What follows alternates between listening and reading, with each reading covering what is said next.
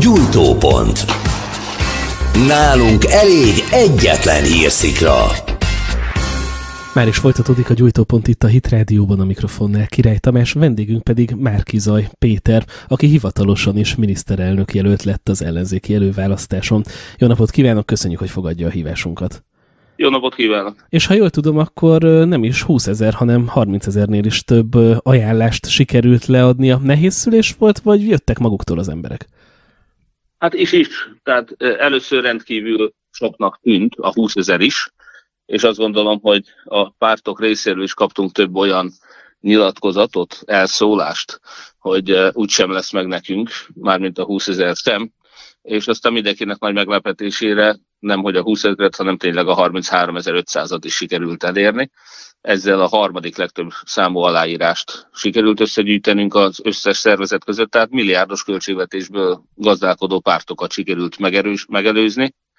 Én azt csak úgy tudom értékelni, hogy Hódmezővásárhely után most már harmadjára országosan is megcsináltuk a csodát, amire tényleg senki nem számított, semmilyen kutatásból adat erre nem volt, de ezrek mozdultak meg, illetve hát körülbelül ezer ember gyűjtötte az országban 150 helyszínen, én magam is 30 helyszínen voltam a két hét alatt, az aláírás gyűjtés két hete alatt, és hát nagyon sok ember nagyon lelkesen támogatott volt, aki két hét szabadságot vett ki, és ingyen önzetlenül Budapest terein pultozott, aláírás gyűjtött, úgyhogy valóban rendkívül megható volt számomra is ez az összefogás, ez a siker, és hát kétszer már megtapasztaltam ezt Hódműzővásárhelyen, de most országosan is látom, hogy ugyanez a recept ez működött, hogy az emberek lelkesedésből, változást, akarásból és önzetlenségből tudtak hihetetlen eredményeket elérni. Nagyon-nagyon hálás vagyok mindenkinek, aki részt vett ebben. Néhány hónappal ezelőtt azt mondta, hogy valószínűleg nem ön fogja nyerni az ellenzéki előválasztást. Most hogy érzi, lehet akár egy újabb csoda? Hát őszintén reménykedem benne. Természetesen mi ezen dolgozunk. Ez természetesen továbbra is a csoda kategória lenne, és hát reméljük, hogy lesz is. Azt is látjuk ugye, hogy lehet hallani olyan hangokat, hogy azért a különböző ellenzéki pártok nehezen gyűjtötték össze az aláírásokat, illetve például a DK esetében felmerült, hogy ha azt mondták, hogy 80 valahány ezer aláírásuk van, akkor miért csak ennek a felét adták le. Ön szerint az aláírásgyűjtés során zajlik számháború, vagy alapvetően tényleg ezek ilyen valós támogatottságokat mutatnak? Nem, szerintem számháború zajlott most is, és nagyon hogy a pártok sokszor a hitelességét kockáztatva is mondanak be nagyon nagy számokat, aztán sokkal kevesebbet szállítanak le belőle, tehát első nap bemondani 20 ezeret, végül 14 nap múlva később leadni 42 ezeret, az szerintem szintén gyanús egy kicsit, tehát valószínűleg az a 20 ezer az első nap nem lehetett meg még Karácsony Gergelynek se. Dobrev Kláránál valóban a 82 ezernek a hangoztatása, majd 34 ezer leadása az is fölvet komoly kérdéseket, tehát nem biztos, hogy mindenki elhiszi, hogy ezek valós aláírások voltak, és hogy milyen módszerekkel gyűjtötték. Én azt gondolom, hogy azért is vagyok nagyon büszke arra a 33 ezerre, amit mi gyűjtöttünk, illetve a mi aktivistáink gyűjtöttek, mert ez teljesen valós. És akkor önnek után... tényleg van 31 ezer valós aláírása? Így van, hiszen le is adtunk, uh-huh. tehát ez egy ellenőrzött szám, amit mi leadtunk, ezt a választási bizottság ellenőrizte a Villányi úton, a nagyteremben, ott ültek az önkéntesek, a mi tíz emberünk is, de a pártok által delegált csoportok is, és együtt ellenőrizték ezeket, fel is hívogattak, több száz embert, akik visszaigazolták ezeket az a, a valós aláírásokat. Vásárhelyről többen is szóltak nekem, hogy őket is hívták, és meg is erősítették természetesen az aláírást. Ugye azért ön mégsem egy ilyen tipikus nagy politikus, tehát ez a, a multipártoknak a politikusa. Hogy éli meg ezt a mostani ellenzéki előválasztási aláírásgyűjtős időszakot, amikor azért a nagyok ellen kell versenyeznie? Érezte, hogy ez lesz, vagy mert itt az előbb a számháború kapcsán, mintha némi csalá, csalódottságot éreztem volna a hangjában? Hát csalódottságot csak azért nem fog érezni, mert őszintén szóval én már három és fél éve a politikában láttam mindent. Tehát azt látom, hogy sokszor az ellenzéki pártok is e, hasonlóan e, politikai és pártérdekek alapján döntenek és működnek, mint a Fidesz. Én azt gondolom, hogy mi Hódműzővásárhelyen már bebizonyítottuk, hogy van egy másik kultúra is, hogy van, akinek a pártjánál fontosabb az ország sorsa, de én elfogadom azt. Tehát nem, mondom, nem csalódottam mondom ezt, csak szomorúan legfeljebb, hogy hogy a pártoknak a pártérdek fontosabb sokszor, mint az ország érdeke, hogy jobb nekik egy vesztes saját jelölt, mint egy közös ellenzéki győztes jelölt, vagy hogy például volt nagyon sok esetben a mi aláírásunk, ahogy összegyűlt a 33 ezer, hát ennek lehet, hogy a másfélszeres gyűlt volna össze, hogyha akár csak a saját jelöltjeink is mindenki megállapodásunk szerint gyűjtött volna aláírást nekünk is, és a pártok nem akadályozták volna, mert olyan is volt, ahol a mi jelöltünk azért nem gyűjtött nekünk aláírást, mert a támogató és anyagilag is támogató párt ezt nem engedte. Mit jelent az, Tehát, hogy anyagilag is támogat egy pártot egy jelölt? Vagy egy jelöltet egy párt? Van olyan civil jelöltünk, ugye nekünk összesen 26 jelöltünk indult el végül, sajnos kettő nem, ezt is a pártoknak nagyon nehezen tudom megbocsájtani, hogy nem engedtek mindenkit elindulni, hiszen az előválasztásnak a lényege, a demokrácia lényege az lett volna, hogy minden civilt is engednek elindulni ígéretük szerint, de még a mi jelöltjeink, MMM-es jelöltek, akik pedig hát jelölő szervezet lettünk még a pártok által is elismerten, még a mi jelöltjeink közül is kettőt nem is engedtek elindulni, és hát azok, akik pedig párt támogatást, a befogadó nyilatkozatot kellett kapni minden jelöltnek valamelyik párttól. Tehát nem hagyhatták meg őket teljesen civilnek, hanem valamelyik párt frakció befogadót kellett, hogy adjon ezeknek a jelölteknek. Ugye ez az a kettő, aki nem kapta meg, azért nem indulhatott.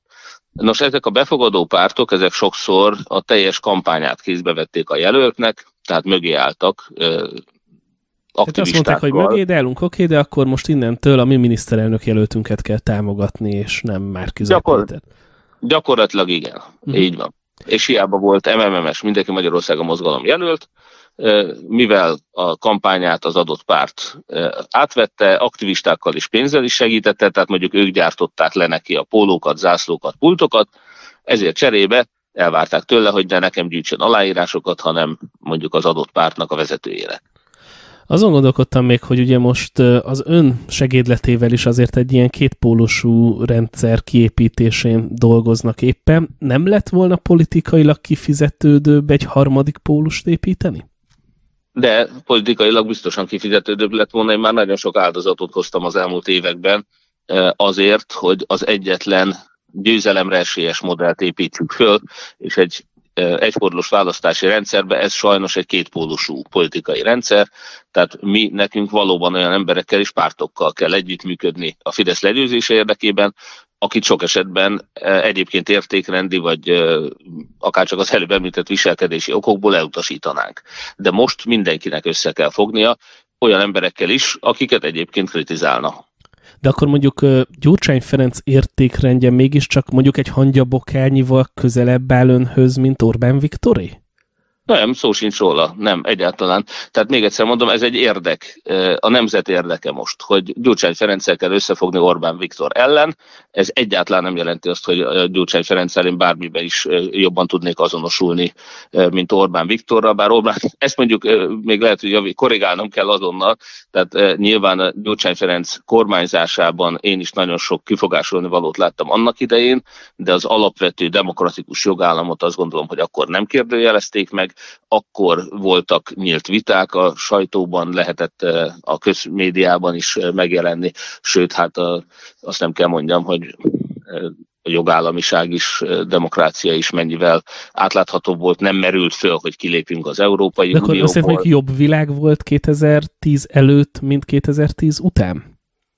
Hát ez megint egy rendkívül fogós kérdés, mert gazdaságilag és a kormányzás sikeressége szempontjából nyilvánvalóan nem. Azért váltották le kétharmaddal annak idején a előző szocialista kormányt, mert az emberek pont, ugye hát volt egy gazdasági válság is természetesen, de a kormány nem volt képes ezeket a kérdéseket, problémákat megfelelően kezelni. Tehát azt nem mondhatjuk, hogy jobb világ volt. De hogy az ország hosszú távú fejlődése szempontjából az nem volt veszélyes az országra, hiszen azt a kormányt le lehetett váltani, mert demokrácia volt, mert jogállam volt, akkor lehetett győzni egy országos politikus ellen egy bírósági perben, tehát nem próbálták befolyásolni a bíróságoknak az ítélkezését, nem folytották el a sajtószabadságot, nem vásárolták fel és zárták be az ellenzéki médiumokat. Tehát hosszú távon az Észak-Korea, Dél-Korea határon Orbán Viktor tolta át Magyarországot Észak-Koreába, és ennek idővel már most is látszanak következményei, hiszen ma Magyarország az egész Európai Unióban az az ország, ahol a legtöbb szegény ember él. Az uniós statisztikák szerint szegénynek minősülő ember a legtöbb százalékosan 74 százalék itt Magyarországon. Az uniós fogyasztási statisztikákban utolsó előttiek vagyunk Bulgáriát megelőzve, csak korrupcióban immár a dobogós helyen vagyunk, a versenyben legrosszabb korrupciós statisztikákat, míg mondjuk 2010-ben még a korrupciós helyzet nálunk kedvezőbb jobb volt, mint akár Csehországban, Szlovákiában, Lengyelországban. Vagy De akkor úgy lehet, hogy ezekre a kihívásokra a jelenlegi ellenzéki összefogás korrekt válaszokat tud adni? Hát én nekem az a legfontosabb most, hogy azt a diktatúrát, amiben eh, nem hívnak meg ellenzéki politikusokat a közmédiába, megszüntetnek orgá- sajtóorgánumokat maguk alá minden pozícióra, ahova szakmai vezetők kellene politikai alapon neveznek ki embereket, ugye egy iskolaigazgatótól, stb. Tehát visszaépítik a pártállamot, gyűlöletkampányokat folytatnak. Tehát ezt a mai Magyarországot ezt meg kell mentenünk. És ehhez bizony össze kell fogni olyan emberekkel is, akik egyébként lehet, hogy kormányozni nem tudnak kellően magas színvonalon, viszont azt gondolom, hogy legalább az európai értékeket, Magyarország európai tag, uniós tagságát, a jogállamot, a demokráciát nem kérdőjelezik meg. Nagyon leegyszerűsítve, akkor lehetséges az, hogy az ellenzéki összefogás tagjai bénábbak a kormányzásban, de legalább nem építenek diktatúrát? Ezt én megkockáztatom, hogy ezt ki lehet mondani. Én egészen drasztikusan azt szoktam mondani, hogy a Fidesz mindenben jobb, mint a 2010 előtti kormány volt, lopásban is. Tehát nem kétséges, hogy hatékonyabban kormányoztak, hatékonyabban kommunikálnak, hatomtechnikában persze hihetetlen komoly eredményt ért el pont a diktatúra építés terén Orbán Viktor, és hát sajnos korrupcióban is. Tehát egy féktelen hatalommal féktelen korrupció is jár. Ugye Budapesten most Karácsony Gergely a főpolgármester, hogy látja az ő tevékenységét? Megszűnt a fővárosban a korrupció, illetve jól vezeti a fővárost? Hát ezt én nem merném kijelenteni, ugye Lengyel Lászlónak volt egy hát némi vihart kiváltó rádiós interjúja két hónappal ezelőtt körülbelül, amiben éppen ezt a budapesti teljesítményt hiányolta, és én is sokkal határozottan fölépnék, és hát Hódmezővásárhelyen egészen konkrétan föl is léptünk a korrupció ellen. Tehát azt gondolom, hogy, hogy Karácsony Gergely ő az a konszenzusos pártjelölt volt, főpolgármesternek is, és nyilván az lehetne most miniszterelnök jelöltnek is, aki mellett a pártoknak az érdekei nem sérülnek. De én azt gondolom, hogy ahol a pártok érdekei nem sérülnek, ott az ország érdeke sérül. Ott a főváros érdeke sérül. Tehát igenis neki határozottabban fel kell lépni a korrupció ellen, sokkal határozottabban, kellett volna elszámoltatást is csinálnia, és hogyha ellenzéki pártokhoz tartozó korrupt politikusok is áldozatai lesznek, az nem hogy hátrány, hanem előny. Tehát mi nekünk meg kell mutatni, hogy sem ellenzékben, sem kormánypárton nem tűrjük a korrupciót. Néhány héttel ezelőtt Fekete Győr András volt itt a vendégünk a Hit Radio-ban, aki azt mondta, hogy beengedni a transznemű embereket az óvodákba, iskolákba felvilágosító kampányokat tartani. Ugye ön mégiscsak alapvetően egy konzervatív érzelmű ember. Ha mondjuk Fekete Győr Andrással kell majd egy kormányban ülnie, akkor az ilyen ö, kezdeményezésekre mit fog lépni? Hát először is, hogy ilyen nyilatkozat az nagyban hozzájárul ahhoz, hogy semmiféle kormányban ne üljünk együtt, azért, mert nem lehet megnyerni egy választás, hogyha valaki ilyen nyilatkozatokat tesz. Ez ugyanaz, mint amikor az ellenzék, akár Karácsony Gergely is progresszív adóról beszél, és lefordítják a Fidesz által 90%-ban kontrollált eh, nyilvánosságban, kommunikációs csatornákon arra, hogy bazi nagy adóemelésre készül az ellenzék. Egy ilyen fizetett hirdetés jött fel nekem ezzel a szöveggel.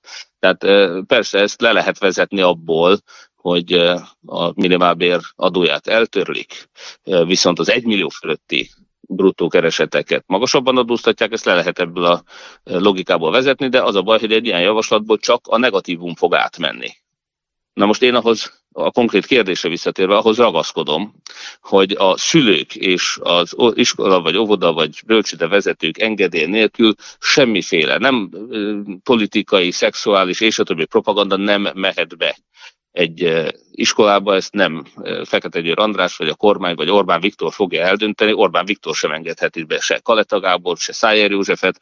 Nincs joguk beengedni az óvodába, az iskolákba.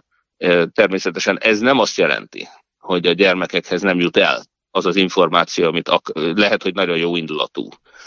Föltételezéssel ezt Fekete Győr András úgy érezte, hogy erre a lépésre van szükség ahhoz, hogy az egyébként létező és óriási probléma adott családokban, ugye ez a transzneműség, ezzel nagyon sok ember küzd és, és ebben nagyon nagy segítségre és toleranciára van szükségük. Nyilvánvaló, hogy ez egy nagyon kellemetlen dolog, szenvednek ezek az emberek, de a segítséget azt nem ezen a módon lehet leginkább megadni nekik természetesen, én azt gondolom, hogy nem ezen a módon lehet megadni. Ott van az internet, az interneten bárki tájékozódhat, és hál' Istennek például erre tökéletes alkalom a Pride. Tehát az, hogy most az idei Pride-on nem magamutogatás és botránykeltés zajlott, hanem egy rendkívül konszolidált és békés kiállás, legalábbis az a néhány felvétel, amit én láttam, az ezt mutatja, az egy nagy előrelépés. Tehát akkor ön a Pride-ot azt tulajdonképpen jónak tartja? Abban a formában, ahogy az idén megvalósult, én azt gondolom, hogy ez egy méltó kifejezése volt annak, hogy akár a Fideszben lévő rengeteg melegember mellett is az embereknek ki kell állnia, hiszen ezeket az embereket ezt nem szabad gyűlölet tárgyává tenni. Én azt gondolom, hogy egy olyan országban szeretnénk élni, ahol egy fideszes politikus is nyíltan fölvállalhatja a homoszexualitását, mert az már nem szégyen, az nem gyűlölködés tárgya. Én ezt látom a legfontosabbnak, nem az iskolában van ennek a terepe. Na akkor beszéljünk egy kicsit az ön jövőjéről. Ugye, ha az ellenzéki előválasztáson mondjuk nem ön lesz a miniszterelnök jelölt, akkor mi a további terv? Bemegy országgyűlési képviselőnek, vagy elindul a saját körzetében, ugye, ha jól tudom, akkor ott is előválasztási jelölt, vagy, vagy pontosan ott mi lesz, illetve, vagy marad hódmezővásárhelyen? Hát számomra mind a kettő nagyon szimpatikus lehetőség bevallom, de semmit nem fogok tenni azért, hogy én országgyűlésben üljek és ne polgármester legyek.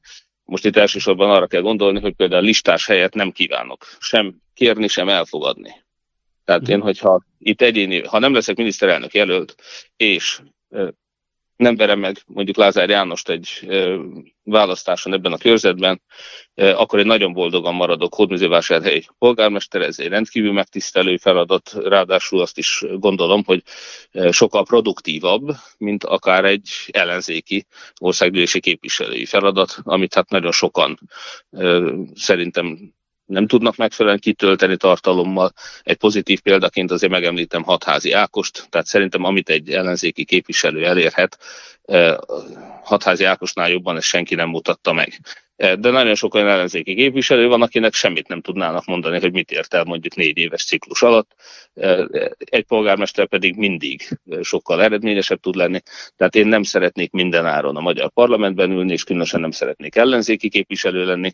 Nagyon örülök annak, hogy vásárhely polgármestere lehetek, de akár körzetben, akár miniszterelnök jelöltként azért vállaltam a megmérettetést, mert azt látom, hogy nincs olyan jelölt, aki nálam nagyobb biztonsággal tudná akár Lázár Jánost, akár Orbán Viktort leváltani, hiszen én rám még a Fideszes, korábban Fideszre szavazó polgároknak egy jó része is leszavazna, a bizonytalanokat is a legnagyobb eséllyel tudom megszólítani, de kisebb az elutasítottságom, és azt gondolom, hogy a hódműzővásárhelyi példával egy országos példát is adtunk abból, hogy lehet más kultúra Magyarországon, hogy lehet korrupciómentesen élni, lehet olyan város, ahol nem a polgármester gyarapszik, gazdagszik, hanem a város.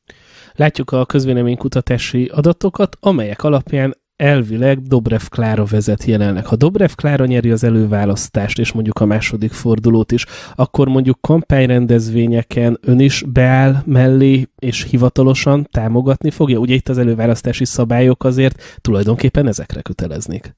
Így van, így van, így van. Ezt én is vállaltam természetesen. Hát addig azért mindent megteszek azért, hogy a Dobrev Kláránál nagyobb eséllyel Orbán Viktor legyőzni képes jelöltek legyenek az előválasztás győztesei. Vannak ilyenek? Hát nagyjából mindenki más nagyobb eséllyel indul Orbán Viktor ellen, mint Dobrev Klára. Ugye ő neki az elutasítottsága messze a legmagasabb, rengeteg ember sajnos távol maradna a választástól, vagy éppenséggel a Fideszre szavazna, hogyha Dobrev Klára lenne a közös jelölt. Egyszerűen abból az okból, hogy ahogy a beszélgetésünk elején kitárgyaltuk, ugyebár a Gyurcsány kormánynyal a Fidesz még azóta is rendkívül hatékonyan tudja riogatni a magyarokat. És végezetül egy utolsó kérdés, hogy azért látszik az, hogy ön megfogalmaz kritikákat az ellenfeleivel szemben is, miközben az egész ellenzéki előválasztás, mintha egyfajta ilyen szeretett kampány lenne. Nagyon kevés a tényleges vita, vagy a tényleges nézetkülönbség ütköztetés. Ez egy tudatos háttéralkú eredménye, amit most ön itt éppen folyamatosan megszeg, vagy mindenki ennyire egyetért tényleg egymással? Hát semmiképpen nem szegem meg, hiszen eh, bár az előválasztási indulással eh, természetesen én is elfogadtam az előválasztás szabályait, még ha előtte más szabályok kialakításán eh, javasoltam is, vagy tettem javaslatot a pártoknak, tehát lehetett volna ezt jobban is csinálni. Tehát nem szegem meg ezeket a szabályokat, mert többek között ennek a hat párti megállapodásnak én nem vagyok részese. Tehát azok rám nem is vonatkoznak, nem is ismerem pontosan, hogy mibe állapodtak meg a pártvezetők, bár többekkel gyakori kapcsolatban vagyok, tehát én szoktam beszélgetni velük. Túlságosan, túlságosan, hát lehet, hogy békés vagy konszenzusos, de inkább azt mondom, hogy konfliktus kerülő ez a hatpárti kampány, abban az értelemben, hogy egy kicsit úgy látjuk ezt, mint egy vízilabda mérkőzést, hogy felül minden nagyon szabályos, a víz alatt viszont lerángatják egymás gatyáját is, és rúgdossák egymást. Tehát, hogy a pártok valójában nagyon éles küzdelmet folytatnak. Itt valahogy úgy tűnik nekem, hogy Karácsony Gergely és a DK Jobbik között rajzolódott ki egy nagyon éles versengés és vita, és hát elsősorban ez az, ami meghatározza most a pártok működését. Ugye két nagy párt, és hát nem vitathatjuk el, hogy statisztikák szerint most tényleg ez a két legerősebb párt, az úgy gondolja, hogy ők teljesen le tudják uralni ezt a terepet. Az én bánatom ezzel kapcsolatban az, hogy ők azok, akik nem állnak ki nyílt vitákra, ők azok, akik adott esetben az esélyesebb jelölteket is próbálják ugye háttérbe szorítani, és ezáltal nagyon könnyen lehet, hogy ők lesznek azok, akik miatt marad Orbán Viktor. Tehát én ezt az egészséges versengést azt sokkal példamutatóbbnak találnám, a nyílt vitákat például, hát, vagy a kétfordulós előválasztást, ami most csak miniszterelnök jelölti szinten lesz meg, és a 106 fordulóban nem e, nagyon rossz példának tekintem, hiszen ezek a pártok hivatalosan azért küzdenek, hogy a kétfordulós választást állítsuk vissza országosan is. Viszont alig van jelölt, tehát sok esetben ketten mérkőznek meg egymással. Igen, de ez azért is van, mert nagyon sok civilt nem engedtek elindulni adott esetben, vagy hát több civilt nem engedtek elindulni, nagyon sokat engedtek elindulni, az tény, tehát néhányat nem, illetve egymás javára visszalépegettek, ezt biztos észrevették önök is, túlságosan sok visszalépés volt, és ezért, amikor látták ugye, hogy csak egy forduló lesz, akkor a nulladik fordulót lefolytatták visszaléptetésekkel. Na akkor egy utolsó utáni kérdés, hogy ugye Pálinkás József meg azért lépett vissza, mert nem sikerült neki összegyűjteni a kellő számú aláírást. Az ön javára lépett nyilvánvalóan vissza. Mennyire lepte meg, hogy ez a bravúr nem sikerült az új világnéppárt miniszterelnök jelöltjének? Nem, nem lepett meg, nyilván ezt előre e, tudtuk, sőt én Pálinkás úrral már beszéltem erről hónapokkal ezelőtt, mondjuk májusban legkésőbb biztosan, Úgyhogy nyilván az lepett volna meg, hogyha összejön a 106. Bocsánat, neki nem a jelöltek kellettek elsősorban, hanem a 20 ezer aláírás, tehát az lett volna meglepő, hogyha ha sikerül neki 20 ezeret összeszedni. Hát kíváncsian várjuk a fejleményeket. Márki Zaj Péter, nagyon szépen köszönjük, hogy a rendelkezésünkre állt. Nagyon szívesen, szívesen máskor is. Köszönöm szépen.